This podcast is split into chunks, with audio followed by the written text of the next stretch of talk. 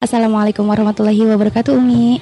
Waalaikumsalam warahmatullahi wabarakatuh. Sehat Umi kabarnya? Alhamdulillah, Alhamdulillah. Tengah kehebohannya. Masya Allah.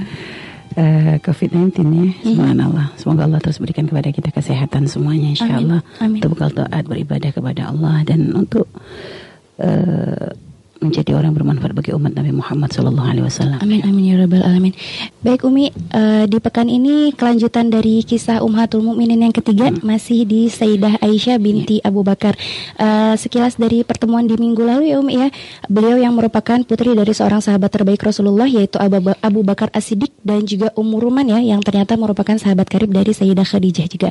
Eh, beliau yang lahir di tahun ke-6 ya Umi ya setelah kenabian menjadikan beliau sosok yang tidak mengenal kemusyrikan di dalam dirinya. Karena terakhir dalam kondisi kedua orang tuanya sudah beriman kepada Allah dan juga Rasulnya ya. Eh, dan beliau pula menyaksikan langsung bagaimana hebatnya perjuangan orang tuanya juga sahabat-sahabat yang lain ya dalam membela Rasulullah Shallallahu Alaihi Wasallam. Sehingga menjadikan ia pribadi yang sangat mengagumi Rasul dan sudah Umi sampaikan pula ya di pekan lalu hikmah dari pernikahan Sayyidah Aisyah dengan Rasulullah dalam usia yang masih muda ini ya adalah salah satu bentuk penghiburan Allah kepada Nabi uh, setelah ditinggal wafat oleh Sayyidah Khadijah. Karena setelah menikah dengan beliau ya Rasulullah banyak merasakan lika-liku dalam berumah tangga dan dari banyaknya kisah keluarga beliau dengan Siti eh, Si- ya Siti Aisyah ya menjadikan kita juga bisa banyak belajar untuk bagaimana membina rumah tangga yang baik. Dan insya Allah dalam kesempatan kali ini ada kisah-kisah selanjutnya ya. Eh, bagaimana Rasulullah dan Sayyidah Aisyah membina rumah tangga dengan baik-baik. Tafadhol Umi. Baik, Bismillahirrahmanirrahim. Alhamdulillahirrahmanirrahim. Wassalatu wassalamu ala syarafil anbiya mursalin Sayyidina Maulana Muhammadin wa ala alihi wa sahbihi ajma'in. Amma ba'du. Para pendengar sahabat radio yang dimuliakan Allah taala, semoga Allah senantiasa memberkahi Anda, berkahi kita semua dengan kesehatan. Amin. Semoga Allah selalu menjaga kita, menjauhkan kita dari mara bahaya. Amin. Dan semoga Allah segera mengangkat wabah ini dari negeri kita Amin. dan dari semua eh, dan juga Allah menjauhkan dari umat Nabi Muhammad Sallallahu Alaihi Wasallam berikan keselamatan, kesehatan, panjang umur, sehat taat insya Allah. Amin amin ya Dan semoga ujian ini menjadikan sebab kita semakin dekat kepada Allah dan Rasulullah Sallallahu Alaihi Wasallam. Baik, eh, sahabat radioku dimulakan Allah Subhanahu Wa Taala. Pada pertemuan yang lalu kita sudah mulai memberikan mukaddimah ya. Eh, awal kisah tentang Sayyidah Aisyah yang kita sudah berada di istri Rasulullah yang ketiga Mhm. yaitu Sayyidah Aisyah radhiyallahu taala anha seorang wanita yang Allah pilihkan bagi Nabi kita Nabi Muhammad sallallahu alaihi wasallam yang bahkan sebelum menikah dengan Sayyidah Aisyah Rasulullah sudah pernah diperlihatkan oleh Allah SWT gambar Sayyidah Aisyah ya. Selam sebanyak dua kali dalam riwayat sampai tiga kali ya. Jadi dan itu diceritakan sendiri oleh Sayyidah Aisyah bahwasanya Rasulullah bercerita bahwasanya sebelum melihat bertemu sebelum menikah dengan Sayyidah Aisyah Mhm. ya rasanya malaikat Jibril datang dengan membawa kain yang di dalamnya ada wajah Sayyidah Aisyah dan Nabi lalu berkata kalau memang dia adalah pilihan Allah maka ya yang terjadi akan terjadi gitu Ya. artinya keyakinan Nabi dan akhirnya begitu Sayyidah Khadijah wafat ya Mhm. eh, akhirnya dat- datang seperti yang pernah Umi kisahkan di awal ya bagaimana se- seorang wanita yang bernama Khawlah bin Hakim binti Hakim itu akhirnya menjadi penghubung penyambung antara Rasulullah dengan Sayyidah Aisyah dan juga Sayyidah Saudah. Baik, dan memang kemarin seperti yang disampaikan juga kisah Sayyidah Aisyah ini memang paling panjangnya kisah ya di antara istri Rasulullah. Sallallahu karena beliau ini termasuk eh, sahabat yang seorang apa wanita yang hidup di zaman Nabi yang paling banyak meriwayatkan hadis. Mhm. sehingga memang kita banyak mengambil ilmu dari apa yang memang beliau dengar langsung dari Rasulullah Shallallahu Alaihi Wasallam. Kecerdasan beliau ini mampu menjadikan beliau tuh mampu untuk menangkap apa-apa yang beliau dapatkan dari Nabi Muhammad Shallallahu Alaihi Wasallam. Dan beliau seorang istri yang sangat dicintai oleh Rasulullah Shallallahu Alaihi Wasallam ya. Dan beliau pun diberikan beberapa lakop ya. Artinya diberikan panggilan oleh Nabi kita Nabi Muhammad Shallallahu Alaihi Wasallam Alaihi. di antara panggilan yang Rasulullah berikan kepada beliau ya ada banyak riwayat mengenakan dengan panggilan Aish yaitu panggilan dari Aisyah nah, ya, panggilan sayang dari Aisyah. Ada juga dengan Humaira gitu. Walaupun sebagian ulama memang tidak ingin menyebut ini gitu ya, karena menyebut seperti eh, apa ya ada sebagian mengatakan itu riwayatnya lemah ada sebagian dikatakan eh, ti- banyak para ulama-ulama kita, para salafun soleh itu merasa tidak senang jika harus menyebutkan fisik ya, mm-hmm. fisik dari istri-istri Rasulullah karena ya kayak gimana ya menyebutkan mereka adalah orang spesial. Mm-hmm. Jadi memang kita tidak pernah meng, uh, mereka tidak mengajari kita untuk menilai dari sisi fisiknya, tapi memang yeah. dari dinilai dari sisi kelebihannya. Tapi tentu ya Allah mengumpulkan bagi karena memang wanita dalam Islam itu dijaga banget gitu mm-hmm. ya, sehingga fisik bukan untuk suatu yang diumumkan, ditonjolkan, dipamerkan dipamerkan ya. Itu ada satu kemuliaan bagi seorang wanita sehingga memang makanya masalah kan dengan Humairah itu kan menunjukkan kemerah-merahan kan akan menunjukkan sisi fisik ya. Sehingga makanya sebagian ulama tidak banyak menceritakan. Ada sebagian ulama tidak mau menyebutkan hal ini. Akan tapi panggilan yang paling masyur ya memang tentu Aish Aish itu juga termasuk dan juga ada lagi dipanggil dengan Ummu Abdillah. Hmm. Jadi dikatakan bahwa Eros Sayyidah Aisyah itu memang istri Rasulullah ya istri, tidak ada satu istri pun yang menikah dengan Nabi yang punya anak kecuali dari Sayyidah Khadijah ya. Yeah. Sayyidah Khadijah dan nanti ada budak Nabi yang bernama Maria Al-Qibtiyah. Mm -hmm. uh, dari istri Rasulullah tidak ada. Sehingga uh, Sayyidah Aisyah tentu saja sebagai seorang wanita punya kerinduan untuk memiliki keturunan dari Nabi Muhammad SAW. Tapi ternyata Allah pun tidak memberikan kepada beliau, mm -hmm. sehingga akhirnya Sayyidah Aisyah itu satu hari datang dan kerinduan Sayyidah Aisyah itu dipahami oleh Nabi. Mm -hmm. Kadang ada kesedihan dari Sayyidah Aisyah yang namanya sebagai wanita tentu kodratnya begitu pengen punya keturunan. Mm. Sampai akhirnya satu hari ketika Sayyidah Aisyah datang dengan membawa putra dari Sayyidah Asma gitu. Asma mm -hmm. membawa putra dari Sayyidah Asma yang bernama Abdullah bin Zubair. Mm -hmm. Maka ketika beliau membawa Abdullah bin Zubair itu hmm. ke hadapan Nabi Muhammad SAW. Uh, lalu Nabi berkata adalah ini adalah Abdullah bin Zubair dan wa anti Ummu Abdullah dan Masya. kamu adalah ibunya Abdullah. Hmm. Karena memang bibinya kan gitu. Hmm. Tapi disambungkan dan ini adalah menjadi suatu panggilan yang disenangi oleh Sayyidah Aisyah radhiyallahu taala anha. Hmm. Dan juga termasuk ada panggilan yang di, pernah disebutkan oleh Nabi, diucapkan oleh Nabi kepada beliau adalah al-muwaffiqah. Hmm. Al-muwaffiqah adalah yang wanita yang diberi petunjuk oleh Allah Subhanahu wa taala. Jadi Nabi pernah mengisyaratkan ya dalam suatu percakapan tuh beliau memanggil beliau dengan ya muwaffiqah. Uh-huh. Nah, itu menunjukkan artinya uh, suatu keutamaan bagi Sayyidah Aisyah radhiyallahu taala anha. Dan uh, ada banyak ya, ada banyak kelebihan yang Allah berikan kepada Sayyidah radhiyallahu taala uh, Sayyidah Aisyah radhiyallahu taala anha. Dan yang paling memang yang paling sering diceritakan bagaimana Rasulullah sangat uh, mencintai Sayyidah Aisyah radhiyallahu taala anha mm-hmm. dan kemesraan antara kemarin kita juga menceritakan kemesraan antara Rasulullah dan Sayyidah Aisyah. Yeah. Dan memang Sayyidah Aisyah Rasulullah memang banyak menunjukkan ada banyak riwayat menceritakan bagaimana Rasulullah itu mengungkapkan kecintaannya kepada Sayyidah Aisyah radhiyallahu taala anha. Dalam satu riwayat diceritakan bagaimana bagaimana Rasulullah satu hari sedang duduk bersama Sayyidah Aisyah ya. ya. Lalu beliau menceritakan Rasulullah menceritakan tentang Sayyidah Fatimah. Lalu Sayyidah Aisyah berkata, lalu kemudian aku membahas tentang diriku. Aku bahas tentang diriku lalu Nabi berkata, tidak engkau engkau ridha wahai Aisyah engkau akan menjadi istriku di dunia dan di akhirat. Hmm. ya, itu dan juga dalam uh, Ibnu Abu Syaibah yang menjelaskan dalam hadis Muslim uh, ya uh, Muslim Al Batin ya yang yang berkata bahwasanya Aisyah adalah istriku di surga. Dan juga ada lagi dari Al Tirmidzi ya meriwayatkan dari Abdullah bin Ziyad ya bahwasanya Nabi sendiri memang mengatakan Aisyah adalah uh, istri Rasulullah dunia dan akhirat. Dan ada banyak riwayat ya bahwa uh, ketika Sayyidah Aisyah bertanya Rasulullah siapa saja yang akan menjadi istri-istrimu di surga? Maka Nabi berkata engkau adalah salah satu dari dari mereka masa salah satu dari mereka. Dan uh, pernah yang kemarin Umi singgung juga bagaimana mesranya Rasulullah dalam berucap kepada Sayyidah Aisyah beliau berkata la uhawin alayyal maut ba'dan arif annaki zawjati fil jannah ya sungguh kematian menjadi ringan bagiku mm-hmm. setelah aku tahu engkau akan menjadi istriku di surga dan juga kalimat yang lain ya aku tidak peduli dengan kematian semenjak aku mengetahui bahwa engkau akan menjadi istriku di surga mm-hmm. jadi artinya dari sini memang menunjukkan uh, apa sampai dikatakan dalam dalam satu riwayat juga kematian dipermudahkan dipermudah kepadaku ketika aku melihat Aisyah di surga. Jadi artinya ini suatu, suatu hal yang menunjukkan bahwa memang beliau ini uh, spesial banget gitu ya, hmm. spesial banget gitu kan sehingga beliau ibaratnya sering mengungkapkan kecintaannya dan kebahagiaannya ketika uh, Sayyidah Aisyah bukan hanya akan bersama di dunia tapi juga akan menjadi pasangan beliau di surga. Hmm.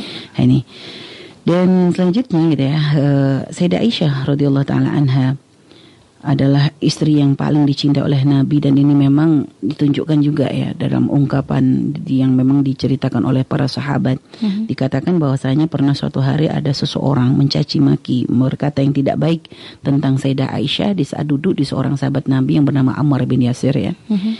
uh, orang tadi mengucapkan perkataan yang tidak baik dan akhirnya ketika Ammar ini mendengar ucapan orang tersebut yang merendahkan Sayyidah Aisyah.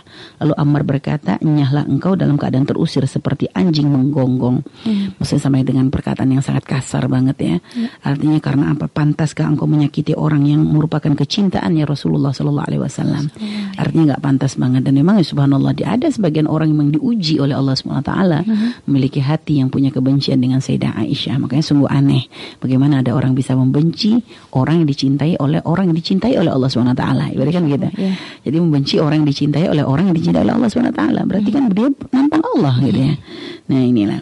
Dan ada banyak riwayat ya menceritakan kecintaan Rasulullah. Katakan waktu itu pernah uh, dikatakan istri-istri Rasulullah itu merasa cemburu ya di saat uh, mereka ini para sahabat karena tahu cintanya Rasulullah kepada Sayyidah Aisyah. Mm-hmm. sehingga sering kali mereka kalau kirim makanan menunggu jatahnya Rasulullah bersama Sayyidah Aisyah. Tentu saja ini menimbulkan kecemburuan di hati istri-istri yang lain. Jadi pertama mereka pokoknya merasa Rasulullah tuh ya nampak cintanya kepada Sayyidah Aisyah. Mm-hmm. Jadi pun pernah menjadi suatu hal yang dikeluhkan oleh Rasulullah kepada Allah Subhanahu wa taala mm-hmm. bahwasanya ya beliau tuh bisa berbuat adil dalam urusan zahir, mm-hmm. tapi urusan hati wala talumuni bimala amlik kita gitu ya kata mm-hmm. Nabi, jangan jangan kau celah aku ya Allah atas satu aku yang tidak mampu untuk mengontrolnya. Mm-hmm. Yaitu cinta kepada Sayyidah Aisyah yang memang beliau tuh nggak mampu ngontrol gitu. Cinta itu kan ya Allah yang memberikan gitu. Mm-hmm. Yang ini yang mungkin bukan berarti beliau tidak cinta dengan yang lain, tapi tentu Sayyidah Aisyah menjadi sesuatu yang spesial di hati beliau. Ya. Karena ya itu tadi yang seperti yang sampaikan, ibaratnya Rasul adalah lelaki pertama, pertama bagi ya. Sayyidah Aisyah. Uh -huh. uh, dan Sayyidah Aisyah adalah menikah menjadi ibaratnya yang dikenal pertama kali adalah Rasulullah uh -huh. gitu. Mhm. Tentu menjadikan yeah. hubungan ini menjadi lebih spesial. Uh mhm. -huh. Dan memang belum lagi memang kelebihan dari Sayyidah Aisyah yaitu bisa menyesuaikan di usia yang teramat sangat muda hmm. tapi belum memang sangat cepat gitu ya untuk bisa beradaptasi, untuk bisa mengambil uh, banyak kebaikan dari Nabi Muhammad Shallallahu alaihi wasallam. Jadi uh, apa namanya pernah suatu hari Sayyidah Fatimah gitu ya pernah suatu hari berselisih ya dengan dengan dengan apa namanya dengan Sayyidah Aisyah ya wajar namanya mungkin ada hmm. ya wanita mungkin ada obrolan-obrolan sehingga akhirnya pada waktu itu Sayyidah Aisyah tuh menangis gitu ya. Mm-hmm. dikarenakan apa yang diucapkan oleh Sayyidah Fatimah. Sehingga ketika pulang Rasulullah melihat Sayyidah Aisyah menangis. Akhirnya uh, Rasulullah bertanya ada apa ya Aisyah?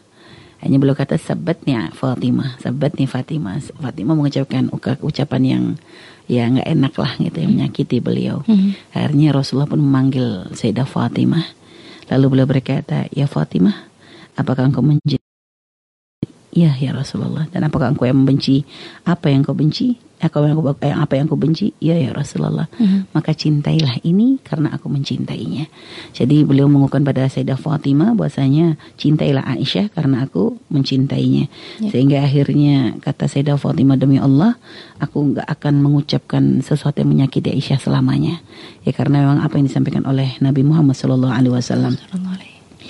Uh, dan juga ada banyak lagi ya riwayat bagaimana Rasulullah memang menunjukkan yaitu tadi satu hari beliau beliau memang uh, ada aduan ya yang tadi yang menceritakan bahasanya para istri Rasulullah itu protes komplain hmm. karena hadiah diberikan di hari Aisyah sehingga akhirnya mereka pun mengutus Ummu Salamah ya untuk uh, apa namanya menyampaikan kepada Rasulullah hmm. agar memberitahu kepada sahabat supaya ya tidak pilih-pilih lah. Hmm. Artinya pun mereka pun senang dengan hadiah gitu ya wajar namanya wanita. Hmm. Jadi uh, mereka pun senang kalau mereka mendapatkan kiriman hadiah sehingga artinya jangan dipilih hanya pada hari Aisyah, Aisyah. karena memang para sahabat ya mereka memperhatikan apa yang disenangi Rasulullah. Hmm. Tahu Rasulullah senang cinta dengan Aisyah maka pun Sayyidah Aisyah maka diberikannya di hari Sayyidah Aisyah.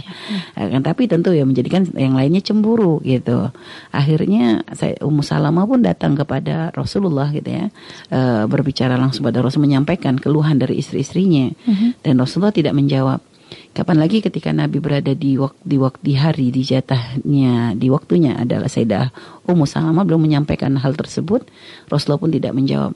Tiga kali ya, ketiga kali begitu bertemu lagi dengan Rasulullah, beliau pun menyampaikan hal itu dan Nabi hanya terdiam lalu Nabi berkata uh, kepada Sayyidah Ummu Salamah, ya Ummu Salamah jangan apa ya, jangan engkau tuntut aku urusan Aisyah.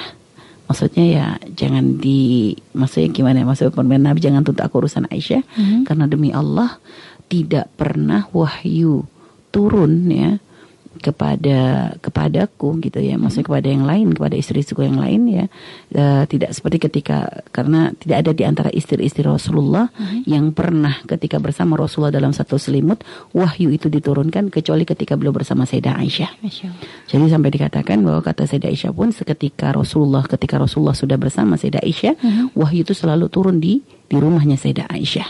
Jadi memang benar-benar menunjukkan keistimewaannya hmm. beliau gitu ya. Hmm. Keistimewaan beliau.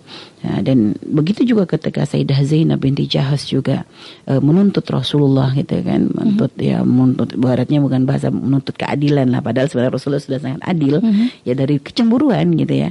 Maka Rasulullah pun mengatakan jangan kau sakiti aku melalui Aisyah gitu ya. Intinya permintaan Nabi, permintaan permohonan Nabi supaya mereka e, memaklumi artinya menerima dengan apa yang diperlaku yang yang yang yang dirasakan oleh Rasulullah artinya ya jangan menyakiti Nabi melalui melalui Aisyah. Aisyah. Hmm. Sehingga ketika wafat pun ya karena memang istri-istri Rasulullah adalah wanita-wanita pilihan hmm. dan mereka pun memperhatikan apa yang disenangi dan dicinta oleh Rasulullah melihat payahnya Rasulullah dalam keadaan sakit untuk menggilir istri-istrinya sehingga maka karena karena hal itu akhirnya mereka pun bersepakat untuk memberikan hari mereka semua kepada Sayyidah Aisyah sehingga memang selama menjelang wafatnya Nabi Nabi itu benar-benar full ya benar-benar hari selalu bersama Sayyidah Aisyah hmm. sehingga memang Sayyidah Aisyah yang paling banyak merawat Rasulullah Shallallahu Alaihi Wasallam bahkan sampai akhir yang terakhir terakhir bergabung dalam ludahnya Sayyidah Aisyah dan ludahnya Rasulullah SAW ketika Rasulullah menginginkan siwang lalu dilembutkan oleh uh, mulutnya dilembutkan oleh Sayyidah Aisyah ya digigit oleh beliau lalu dimasukkan ke mulutnya Rasulullah Sallallahu Alaihi Wasallam. Uh, jadi ada banyak ya, ada banyak ada banyak sekali yang menunjukkan keutamaan Sayyidah Aisyah radhiyallahu taala anha. Mm -hmm. dan bahkan pernah suatu hari uh, apa dikatakan bahwasanya Sayyidah Aisyah itu pernah melihat Rasulullah sedang berbicara dengan seseorang sambil memegang kudanya gitu tali kudanya. Hmm. Akhirnya uh, saat itu saat itu Rasulullah lalu ketika itu Sayyidah Aisyah berkata ya Rasulullah engkau dengan siapa gitu. Apa apa yang kau lihat? Aku melihat uh, apa namanya seorang sahabat di Ihaul Kalbi itu ya. Aku melihat engkau sedang bercakap dengan Ihaul Kalbi. Uh-huh. lalu dijawab oleh engkau melihatnya Rasulullah? Engkau melihatnya ya Aisyah? Dikatakan iya ya Rasulullah aku melihatnya. Di pandangan Sayyidah Aisyah itu adalah dia, salah seorang sahabat bernama Ihaul Kalbi. Uh-huh. lalu dikatakan oleh Rasulullah oh enggak, dia ada malaikat Jibril dan dia berkirim salam kepadamu. Dan artinya itu menunjukkan sesuatu yang istimewa pada Sayyidah Aisyah ya. Hmm. Malaikat Jibril pun berkirim salam kepada Aisyah sehingga Sayyidah Aisyah pun me menyampaikan uh, balasannya. Semoga Allah, Allah memberikan uh, apa? membalas salam dari malaikat Jibril tuh ya hmm. dengan dengan ungkapan yang sangat luar biasa. Artinya memang menunjukkan apa ya suatu yang sangat luar biasa banget ya hmm. pada Sayyidah Aisyah gitu ya. ya. Bagaimana beliau itu diberi keutamaan seperti itu oleh oleh oleh Rasulullah Shallallahu alaihi wasallam. Uh, mendapat ketuhanan oleh Allah Subhanahu wa taala gitu ya. Sehingga memang beliau menjadi seorang yang sangat-sangat spesial di hadapannya Rasulullah Shallallahu alaihi wasallam subhanallah ya kisah tentang Sayyidah Aisyah tuh banyak banget gitu ya banyak banget gitu ya mm-hmm. sampai kadang kita sendiri uh, merasa apa ya baca kadang untuk menceritakan tentang beliau itu sampai ya ini karena memang terlalu banyak sekali kisah-kisah tentang Sayyidah Aisyah mm-hmm. yang yang kita nggak akan bisa menceritakannya satu persatu gitu ya intinya ya itulah ada banyak keutamaan beliau dan bahkan termasuk ya termasuk keutamaan beliau lagi ya yang yang memang menunjukkan keistimewaan beliau yang seperti pernah Umi singgung ketika Rasulullah menghajar menghajar istri-istrinya meninggalkan istri-istrinya karena tuntutan mereka mm -hmm. untuk untuk meminta nafkah kepada Rasulullah Shallallahu Alaihi Wasallam. Saat itu Rasulullah pun ketika meninggalkan mereka, mereka Rasulullah pun akhirnya setelah satu bulan ya dikatakan meninggalkan para istri Rasulullah, Rasulullah pun mendatangi istri-istri Rasulullah lalu dimulai dari Sayyidah Aisyah. Di situ Rasulullah memberikan penawaran kepada Sayyidah Aisyah melalui firman Allah Subhanahu wa taala. Mm-hmm. Ya ayuhan nabi Wahai Nabi, kulli azwajika in kuntunna turidnal hayatad dunya wa zinataha fata'alain umatti'kunna wa usarrihkunna sarahan jamila. Hmm. Wahai Rasulullah, katakan kepada istri-istrimu, jika mereka itu memang berharap dunia hmm. ya, wa zinataha dan perhiasannya fata'alain, ayo ayo sini maka akan aku berikan ya, akan diberikan uh, umat kunna akan diberikan ya barang-barang ya mhm. usarrih kunna akan tapi kalau memang mereka berharap dunia ya uh, akan diceraikan oleh Rasulullah sarahan jamila dengan cara dengan cara yang baik gitu lah hmm. tidak akan di, tidak akan ada kezaliman hmm. gitu akan tapi diberi pilihan berikutnya wa in kuntunna turidnallaha wa rasulah akan tapi jika kamu berharap Allah dan Rasulnya wa daral akhirah fa innallaha adalil muhsinati minkunna ajran azima hmm. tapi jika engkau engkau memilih Allah dan Rasulnya dan hari akhir maka Allah akan menyiapkan bagi orang-orang yang baik wanita-wanita yang baik uh, pahala yang sangat besar sehingga saat itu Rasulullah memerintahkan Sayyidah Aisyah untuk bermusyawarah dengan ayah ibunya. Ya. Lalu Sayyidah Aisyah berkata, apa untuk Allah dan Rasulnya aku bermusyawarah ya Rasulullah? Demi Allah aku tidak akan memilih kecuali engkau dan kecuali Allah dan engkau. Artinya Sayyidah Aisyah dengan sangat tegas sekali memang memilih Rasulullah uh, Shallallahu Alaihi Wasallam. Dan dan memang istri-istri Nabi ini ya memang spesial nggak bisa dicamakan makanya uh, dalam ayat tersebut ya ya nisa'an nabi mayyani minkum nabi fahishatin mubayyinah yudha'af lahal adzab di'fain wa kana dzalika Allah yasira. Wahai wanita-wanita Rasulullah ini ya barang siapa di antara melakukan perbuatan yang tidak baik maka akan Allah lipatkan hukumannya gitu ya. Hmm. Hukumannya akan dilipatkan karena orang yang terdekat dengan Nabi gitu lah. Ya. Wa kana dzalika Allah yasira dan bagi Allah itu sangat mudah.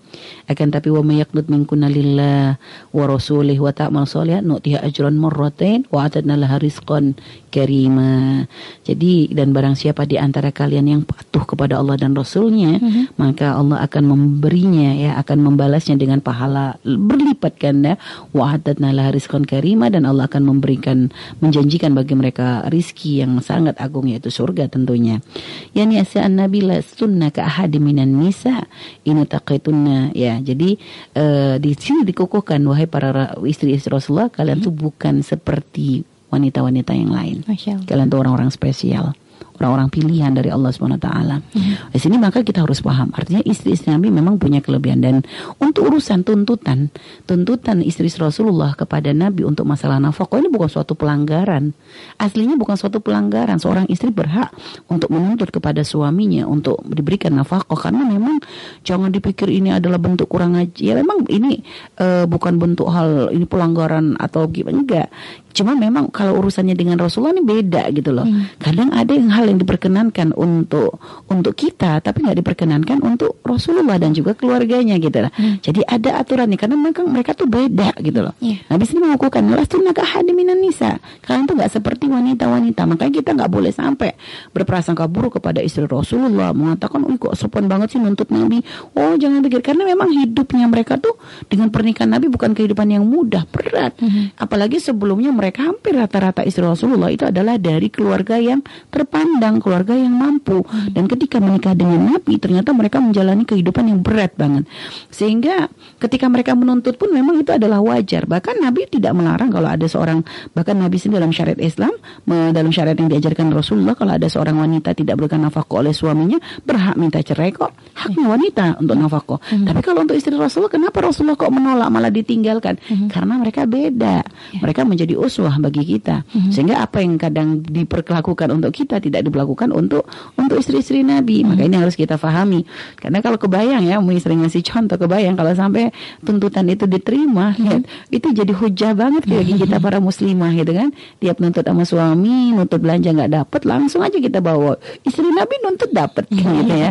Makanya subhanallah luar biasa banget cara Allah untuk mendidik Rasulullah dan juga keluarga beliau gitu ya dengan benar-benar menjadi uswah bagi kita kita, menjadi contoh bagi kita sehingga akhirnya menjadikan belajar mengajari kita bagaimana agar bisa menjadi istri yang menerima ya yang tidak banyak tuntutan, yang berusaha menyenangkan suami seperti yang diajarkan oleh istri-istri Rasulullah Shallallahu alaihi wasallam. Baik. Dan juga apalagi kelebihan dari Sayyidah Aisyah diceritakan ya bahwa satu hari Sayyidah Aisyah itu pernah mengikuti Rasulullah berperang, mengikuti Rasulullah berperang dan pada waktu itu gilirannya memang jatuhnya pada Sayyidah Aisyah. Sehingga ternyata gitu ya, pada waktu beliau apa uh, sudah naik di kendaraannya itu gitu ya, sudah siap mau pergi, tiba-tiba Sayyidah Aisyah ini kalungnya hilang. Kalungnya mah sebenarnya bukan kalung yang istimewa gitu, tapi ini suatu yang ya emang Sayyidah Aisyah suka gitu ya. Hmm. Sehingga akhirnya Rasulullah tuh karena cinta ya karena emang sayangnya emang kepada istri gitu ya. Eh, Rasulullah tuh memperhatikan apa yang disenangi oleh Sayyidah Aisyah. Ngeliat Sayyidah Aisyah kebingungan cari kalungnya gitu kan. Akhirnya Rasulullah itu memerintahkan para sahabat untuk mencari, Hmm. memerintahkan para sahabat untuk mencari sampai akhirnya eh, mereka itu mencari mencari kalung tersebut gitu ya. Eh, nggak ketemu gitu tuh sampai heboh nih para sahabat gara-gara kalungnya Siti Aisyah Iya, iya. katakan sampai akhirnya mereka tuh pada ada yang ngadu kepada Sayyidina Abu Bakar Abu Bakar lihat apa yang diperlakukan oleh putrimu nih bikin Rasulullah bingung gara-gara kalung Ah, gitu iya. kan sampai akhirnya Sayyidina Abu Bakar itu langsung mendatangi Sayyidah Aisyah Mhm. eh ternyata waktu itu Sayyidah Aisyah tuh lagi memangku ti- Rasulullah tuh lagi tidur di pangkuannya Sayyidah Aisyah Mhm. Nah, lagi tidur di pangkuan Sayyidah Aisyah. Tiba-tiba Sayyidina Abu Bakar tuh langsung ya karena apa? Pegel gitu Sayyidah Aisyah. Kamu lakukan gitu. Maksudnya sampai dikeplak gitu Sayyidah Aisyah. Saya kata Sayyidah Aisyah aku nggak bisa berhindar karena nggak nggak tega jangan sampai bergerak takut nanti kepala Rasulullah yang ada di pangkuannya itu bergoncang akhirnya nanti bangun gitu. Jadi Sayyidah Aisyah hanya memberikan isyarat Rasulullah sedang tidur gitu. Jadi Sayyidah Abu Bakar Sayyidina Abu Bakar tuh pegel karena memang dikatakan Sayyidina Abu Bakar ini adalah bapak yang luar biasa banget gitu ya. Beliau tuh memang sangat dikatakan betul sangat mencintai Sayyidah Aisyah. Karena kedekatan Sayyidah Aisyah dengan Rasulullah menjadikan beliau tuh memang menjadi anak kesayangan lah ibaratnya. Akan tetapi pun walaupun ini adalah anak kesayangan, Sayyidina Abu Bakar tidak pernah lalu eh, membenarkan semua perilaku Aisyah. Seringkali banyak banget kisah bagaimana Sayyidina Abu Bakar tuh mendidik Sayyidah Aisyah tuh maksudnya urusan dengan Rasulullah tuh benar-benar gitu. Karena pernah waktu itu Sayyidah Aisyah memanggil seorang wanita untuk membacakan gasidah gitu pada beliau gitu menyanyi gitu ya. Misalnya kayak dulu tuh ya nyanyi-nyanyi nyanyi nyanyi bukan nyanyi aneh kayak sekarang ya. Itu pun Sayyidina Abu Bakar marah, "Bisanya kamu kok kayak gitu di rumahnya Rasulullah gitu." Jadi sering gitu dan kayak itu pun begitu. Marah, "Kenapa kamu lakukan sampai bikin heboh semuanya gara-gara kalung gitu." Lalu ditahan. Ternyata ya subhanallah eh sampai gitu ya. Sampai ketika subuh itu ya mereka tuh belum beranjak dari tempat gitu ya, dari tempat tersebut. Sehingga menjadikan sahabat dan Rasulullah itu waktu pas menjelang sholat subuh mereka nggak punya sesuatu tidak ada air untuk berwudu karena air waktu itu dipakai untuk minum dan sebenarnya mereka kalau tadi menempuh perjalanan bisa mereka mendapatkan air di tempat yang dituju setelahnya. Cuma gara-gara kalungnya Siti Aisyah ini menjadikan semua sahabat tuh nggak bisa berwudu. Padahal mereka dalam keadaan ya tidak punya tidak punya wudu gitu loh berhadas waktu itu akhirnya ya para sahabat tuh jadi kalut gitu. Dan ternyata subhanallah ya rahmat Allah subhanahu wa taala dalam kondisi begitu tiba-tiba Allah turunkan perintah atau eh, diajarkan cara bertayamum. Masya nah perintah tayamum. Sehingga akhirnya yang para sahabat yang awalnya mencela ya, maksudnya oh gara-gara Aisyah gitu ternyata subhanallah ya Abu Bakar berkah apa yang Allah berikan kepadamu karena putrimu ternyata Allah turunkan eh, ayat tentang tayamum. Masya jadi menunjukkan bahwa memang Sayyidah Aisyah itu ada suatu ke- keistimewaan pada diri beliau. Sampai Allah turunkan. Padahal bukan urusan gede loh ya, urusan sepele ibaratnya dari kalung, tapi ternyata dari situ Allah jadikan jalan untuk untuk sampai mengajarkan para sahabat suatu rukhsah, kemudahan dari syari- di antara syariat-syariat yang dibawa oleh Rasulullah SAW yaitu tayamum. Inilah eh, hal-hal masih banyak lagi insya Allah yang akan kami sampaikan. Ini kayaknya berapa part nih ya untuk, untuk Sayyidah Aisyah. Ini karena memang panjang banget ya, panjang banget eh, para sahabat yang dimuliakan Allah. Insya Allah ya kita akan nanti lanjut sedikit ya, nanti supaya nanti biar tidak terlalu panjang eh, untuk masalah pembahasan Sayyidah Aisyah. Kita ambil yang penting-penting saja. Wallah alam bisawab. Oke baik. Terima kasih Umi. Baik sahabatku kita akan break sejenak ya. Untuk semua sahabat tetap stay bersama kami Karena nanti insya Allah eh, akan ada kelanjutan dari kisah Sayyidah Aisyah Dan juga kita buka sesi interaktif ya Untuk sahabat yang ingin bertanya langsung lewat layanan telepon bisa di 0852847047 dan juga SMS ataupun WhatsApp di 081321461079. Baik, eh, kita akan lanjut pada sesi berikutnya ya Umi tentang kisah Sayyidah Aisyah. Eh, dikatakan keutamaan Sayyidah Aisyah itu banyak banget ya termasuk diceritakan oleh Ummu Sulaim ya. Sama seperti dari tadi Umi ceritakan tentang masalah eh, Sayyidah Aisyah mendapatkan salam dari malaikat Jibril seorang wanita bernama Ummu Sulaim berkata bercerita bahwasanya suatu hari beliau tuh masuk ke rumah Sayyidah Aisyah gitu ya. Bertamu ke rumah Sayyidah Aisyah lalu bertanya em, apa uh, akan ber, bertamu ke rumah Sayyidah Aisyah lalu bertanya apakah Rasulullah ada dikatakan ada tapi Rasulullah sedang menerima wahyu mm-hmm.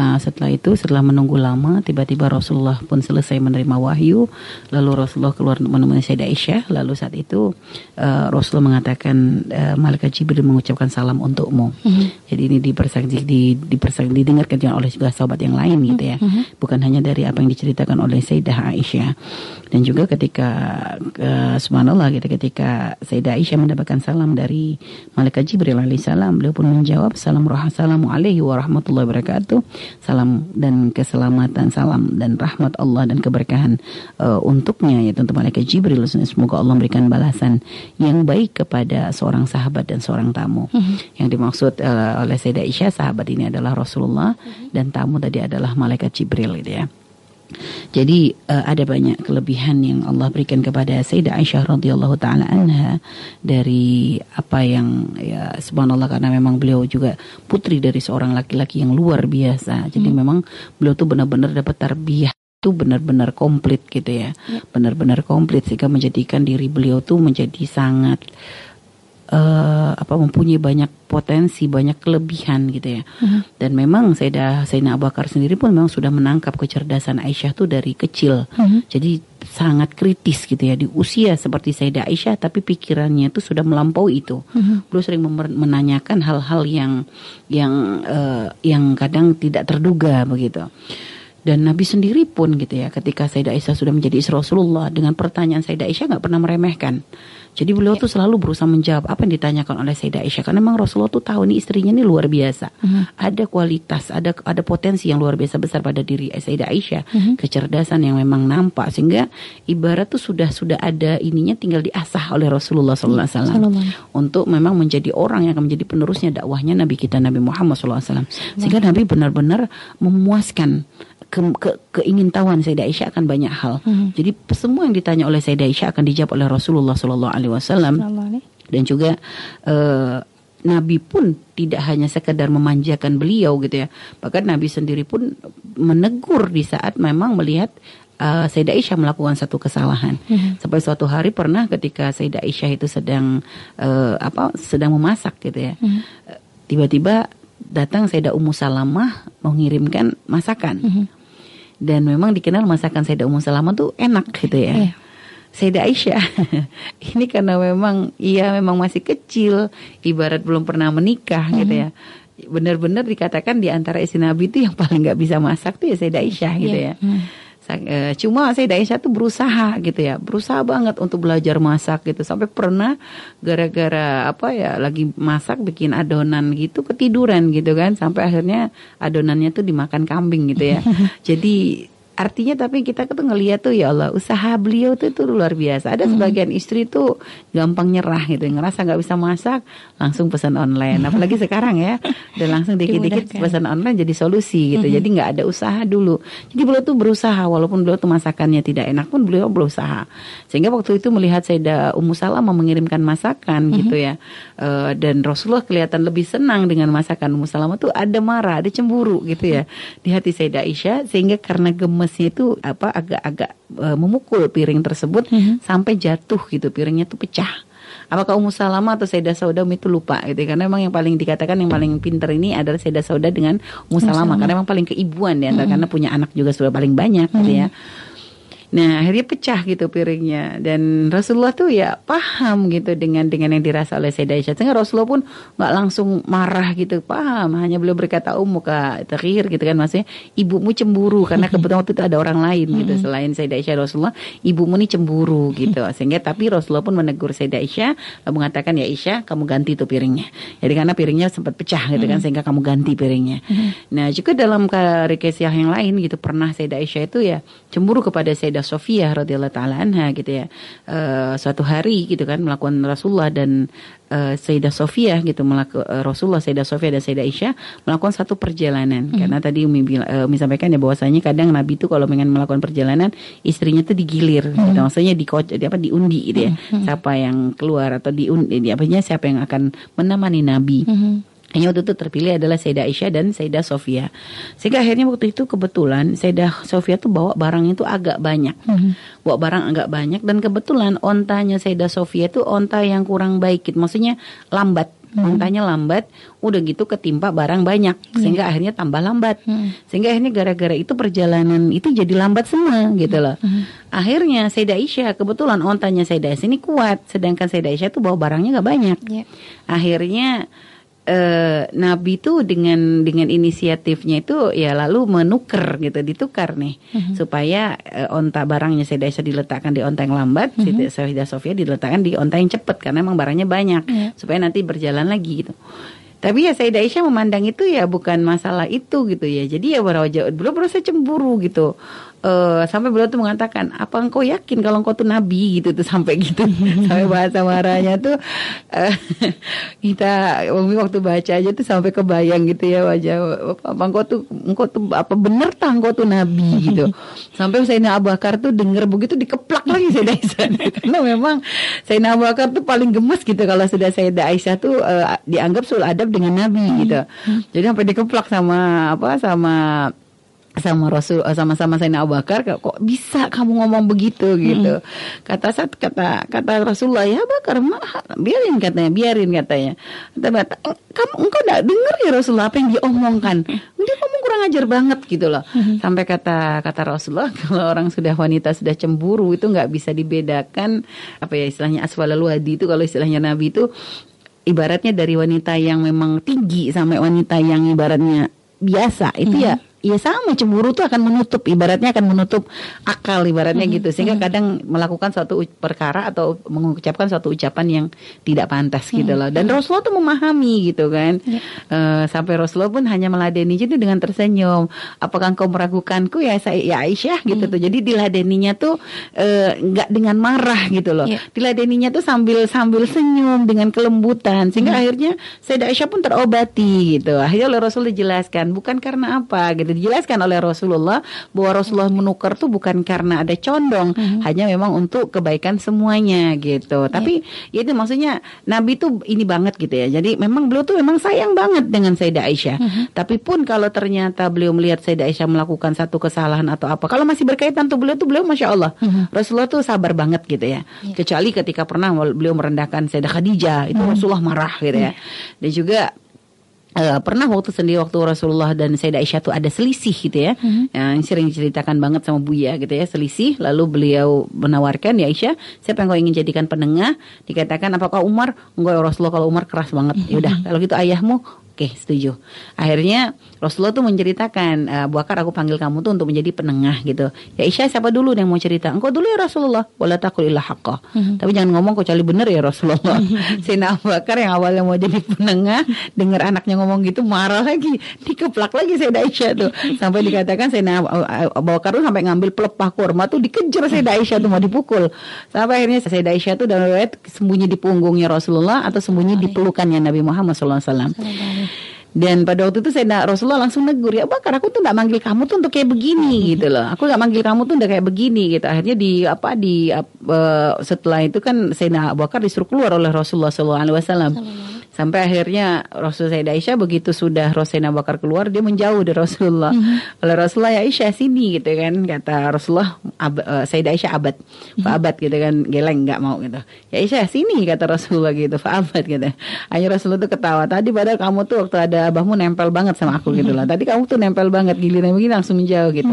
Tapi setelah itu pun ya mesra lagi gitu sampai akhirnya Sayyidah Bakar ketika masuk mendatangi rumahnya Rasulullah tuh melihat Rasulullah dan Say- Sayyidah Aisyah sudah lagi ketawa-tawa gitu loh. Maksudnya udah udah akur udah ketawa-tawa gitu kan. Sampai Sayyidina Abu Bakar berkata ya Rasulullah sebagaimana tadi engkau tuh memanggilku untuk menyelesaikan masalahmu, maka sekarang aku tuh ikutin juga kalau kamu tuh lagi senang gitu tuh. Jadi Sayyidina Abu Bakar pun pengen ikutan senang merasakan kebahagiaan Rasulullah dengan Sayyidah Aisyah. Akan tapi pun ya eh, di saat um, sangat mencintai pun kalau salah pun ditegur dan ini termasuk ya ketika Sayyidah Aisyah itu eh waktu Rasulullah menikah dengan Sayyidah Sofia gitu kan dikenal bahwa Sayyidah Sofia itu ya mempunyai wajah waras yang cantik gitu ya. Mm-hmm. Sehingga sampai Sayyidah Aisyah tuh penasaran gitu kan, dengar kabar begitu penasaran sampai beliau tuh diam-diam pergi gitu untuk melihat gitu, Mm-hmm. untuk melihat seperti apa sih Aisyah Sofia tuh yang katanya perempuan-perempuan katanya cantik begini tuh pengen tahu gitu. Diam-diam dan ternyata ketahuan oleh Rasulullah gitu kan. Ketahuan oleh Rasulullah, akhirnya Rasulullah bertanya ya Aisyah gitu, gimana pendapatmu gitu kan? Gimana pendapatmu tentang Sofia? Nah, Sayyidah Aisyah karena cemburu, beliau tuh berkata, e, tidak kulihat dia tuh kecuali seorang wanita yang di beliau tuh menggambarkan dengan jempolnya gitu ya.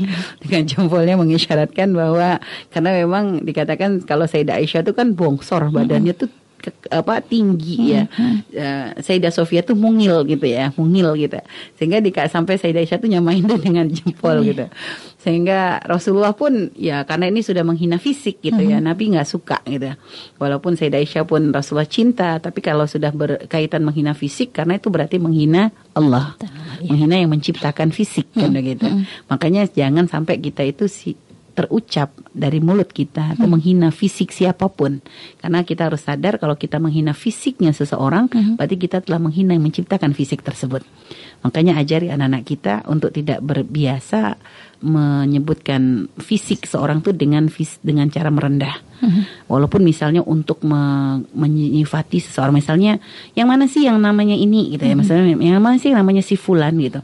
Jangan sampai kita mengambil fisik yang jeleknya gitu Jangan itu loh yang hitam rambutnya keriting. Atau mungkin itu loh yang kakinya pinjam. Atau apa jadi me- me- merendah itu nggak boleh. Walaupun memang yang paling menonjol misalnya itu gitu Iya. loh. Tapi tetap aja itu loh yang bajunya putih. Ambil yang umum yang tidak menunjukkan fisik gitu. Atau itu loh yang berdirinya sebelah kanan atau yang berdiri sebelah yang jadi gitu. Jadi dibiasakan kita itu kalau ingin menyebut atau mengajarkan anak-anak kita. Karena sekarang banyak orang kadang merendahkan fisik atau kadang kekurangan fisik dijadikan sebagai guyonan ya. Jadi kadang di saat ada orang ada kekurangan fisik tuh malah dijadikan kayak apa ya? Kuculokan, bulian dan sebagainya naudzubillah. Dia nggak kenal bahwa sekila bahwa siapa pun yang merendahkan fisiknya seorang hamba, maka secara tidak langsung dia tuh merendahkan yang menciptakan fisik tersebut yaitu Allah Subhanahu wa taala. Jadi naudzubillah jangan sampai dan Nabi pun mendidik Sayyidah Aisyah. Jadi ungkapan Sayyidah Aisyah yang mungkin secara tidak tidak disengaja oleh beliau gitu karena memang cemburunya. Ya. Tapi kalau sudah mencangkut urusan masalah merendahkan fisik, maka Nabi pun marah sampai Nabi berkata ya Aisyah, seandainya ucapanmu air ludah yang pokoknya mengiringi ucapan Sayyidah Aisyah tadi merendahkan tersebut diturunkan e, dijatuhkan ke lautan nih saya akan mengotori lautan seluruhnya. Saking kotornya maksudnya apa yang diucapkan. Jadi padahal cuma begitu gitu loh. Padahal beliau tuh nggak sampai berkata gimana ya menyebutkan ya memang sesuai dengan yang ya karena cuma memang dengan bahasa yang kurang indah gitu ya. Nah itu pun Rasulullah tuh marah banget gitu. Sehingga kata Sayyidah Aisyah sudah itu setelah itu beliau akan eh, nggak akan mau berkata yang jelek lagi gitu loh. Nggak akan mau berkata yang jelek lagi. Lah inilah Bagaimana nggak indah gitu lah akhlaknya Sayyidah Aisyah jika dididik oleh seorang suami yang seperti Nabi Muhammad Shallallahu Alaihi Wasallam. Beliau memiliki ayah yang luar biasa, beliau memiliki ibu yang luar biasa, beliau memiliki suami yang sangat-sangat luar biasa. Sehingga ya dari perpaduan itu semua yang menciptakan seorang Sayyidah Aisyah, seorang wanita yang bernama Sayyidah Aisyah, yang itu pun sangat luar biasa, menjadi suri tauladan bagi kita dan bisa menjadi contoh bagaimana agar kita bisa menjadi istri yang solehah, istri yang menyenangkan suami, istri yang yang diridhoi oleh Allah ya diridhoi oleh Allah Subhanahu wa taala. Istri bisa menjadi penyejuk mata kan gitu ya. Insyaallah semoga Allah membimbing kita yang sudah menikah diberikan kemudahan untuk bisa mengikuti jejaknya Sayyidah Aisyah radhiyallahu taala anha. Amin, amin. Allah alam bisawab dan insyaallah pada pertemuan berikutnya kita akan menceritakan tentang kisah khabarul ifik ya. Ya. Cerita dusta yang pernah menimpa ibunda kita Sayyidah Aisyah radhiyallahu taala anha. Semoga Allah selalu merahmati beliau dan mengangkat derajat beliau setinggi-tingginya. Wallahu alam bisawab.